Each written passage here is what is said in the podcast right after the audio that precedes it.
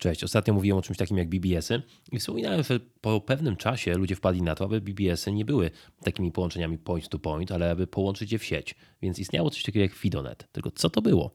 O tym dowiesz się z dzisiejszego odcinka.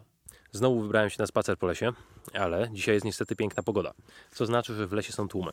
I dlatego chodzę sobie po jakichś takich totalnych odludziach tutaj, aby nikogo nie spotkać i móc nagrywać. Wczoraj wspominałem o czymś takim jak BBS-y. E, to są takie serwery, do których się wdzwania.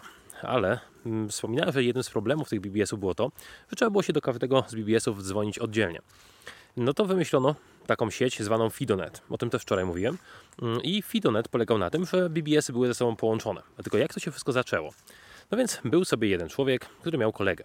I tak się składa, że żył sobie w Stanach Zjednoczonych. Był rok 83, jeżeli się nie mylę. I ten kolega, no niestety nie mieszkał w tym samym stanie, co nasz bohater. Więc połączenia lokalne w Stanach Zjednoczonych były oczywiście darmowe, ale połączenia międzystanowe były piekielnie drogie.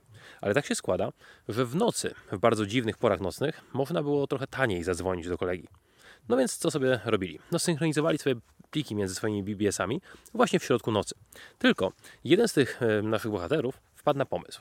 Czemu ja mam nie spać całą noc i czekać na synchronizację danych, jeżeli ja mogę napisać program, który za mnie będzie te dane synchronizował?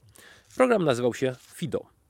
Teraz często ludzie pytają, od czego skrótem jest FIDO. FIDO nie jest skrótem, FIDO jest psem. To znaczy, ten człowiek nazwał program tak, jak miał na imię jego pies. E, no więc napisał program FIDO, który służył do, do automatycznego, nocnego synchronizowania BBS-ów. Dał ten sam program swojemu koledze i powiedział, weźmy się, synchronizujmy. No i w ten sposób powstał dwunodowy FIDONet.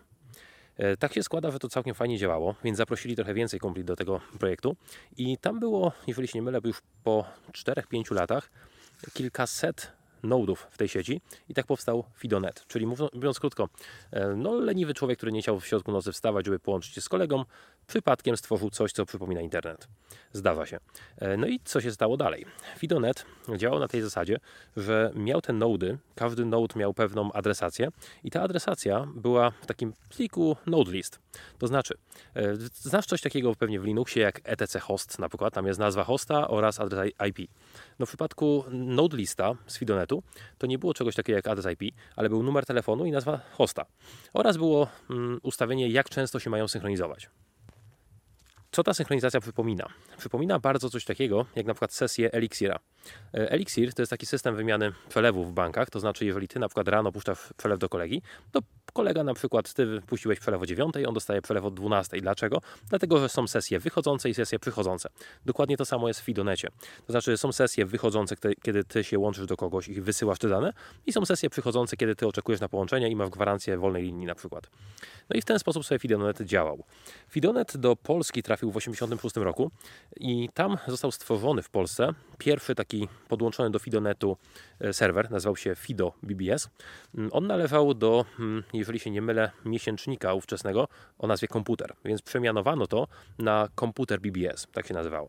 No i to był dostęp do sieci FIDO, to znaczy, że dało się na przykład zrobić coś takiego, że wdzwaniasz się do tego FIDO BBS-a i za pomocą jego połączeń, tych kontaktów, wysyłasz dane do innych e, nodów w sieci. No i co się wtedy stało? Okazało się, że adres mailowy nie musi być adresem lokalnym, tylko może być adresem zdalnym na terenie na przykład całego świata. I działało to w ten sposób, że jeżeli ty wysyłasz w swoim mm, BBS-ie maila, adresujesz go na lokalizację, na przykład małpa tam numer telefonu, załóżmy zdalnego BBS-a, no i w ten sposób ten twój lokalny BBS wie, że twojego maila ma wysłać gdzieś dalej. Do czego to było użyteczne? Na przykład, no chciałbyś wysłać gdzieś za wielką wodę na przykład maila. Nie ma szans, żeby ci rodzice pozwolili zadzwonić do Ameryki na 3 minuty, bo kosztowałoby to majątek. Więc w takim razie co mogłeś zrobić? Mogłeś połączyć się do uczelnianego na przykład BBS-a w swoim mieście, czyli połączenie lokalne, zaprogramować tam wysłanie maila do na przykład Warszawy. E, w Warszawie jest na przykład podłączenie do Fidonetu i Fidonet, e, on ci prześle to za wielką wodę do jakiejś innej uczelni i ta inna uczelnia prześle do celu i tak dalej, i tak dalej. Czyli można powiedzieć, że cała struktura tej sieci miała taki wygląd drzewiasty. Wiadomo było, kto komu przekazuje dane, wiadomo było, jak to zaadresować, aby to doszło. No minus całego rozwiązania był taki, że te dane synchronizowały się bardzo, bardzo rzadko. Z prostego względu, no koszty. No nie dało się zrobić tak, że jak ty wysyłasz maila z Krakowa, to on się pojawi w Warszawie po 5 minutach. Nie, nie. Czasami mail szedł dzień, dwa, a za wielką wodę, czyli tam Stany Zjednoczone i te inne tam kraje, no równie dobrze kilka tygodni. Trzeba było czekać na synchronizację. Problemem całego Fidonetu było też to, że nie było tam żadnej kontroli błędów. To znaczy, nie masz żadnej pewności, czy Twój mail doszedł, czy nie doszedł uszkodzony, czy nadawca go odczytał, czy odbiorca go odczytał. No po prostu taka, takie rzucenie przesyłki w próżnię. Niestety tak to działało. No i to ludziom wystarczało, więc wtedy wyrobiła się taka kultura odpisywania na maile. To znaczy, jeżeli dostałeś takiego maila, to by wysyłałeś, czy chcesz, czy nie, potwierdzenie typu ACK. Tak, dostałem Twojego maila, dzięki. Jak na przykład po tygodniu z za wielkiej wody nie dostałeś maila z potwierdzeniem, no to wysyłałeś jeszcze raz i tak dalej. Mm, działało to całkiem fajnie i przestało działać, gdy sieć internet opanowała świat. To znaczy, Fidonet już nie był potrzebny, a wszyscy przesiadli się na internet. Ale zanim ten internet wszedł do Polski na przykład, Fidonet był bardzo tak prężnie używany, na przykład w branży medycznej. To znaczy szpitale w Polsce na przykład wymieniały sobie dane medyczne między sobą za pomocą Fidonetu.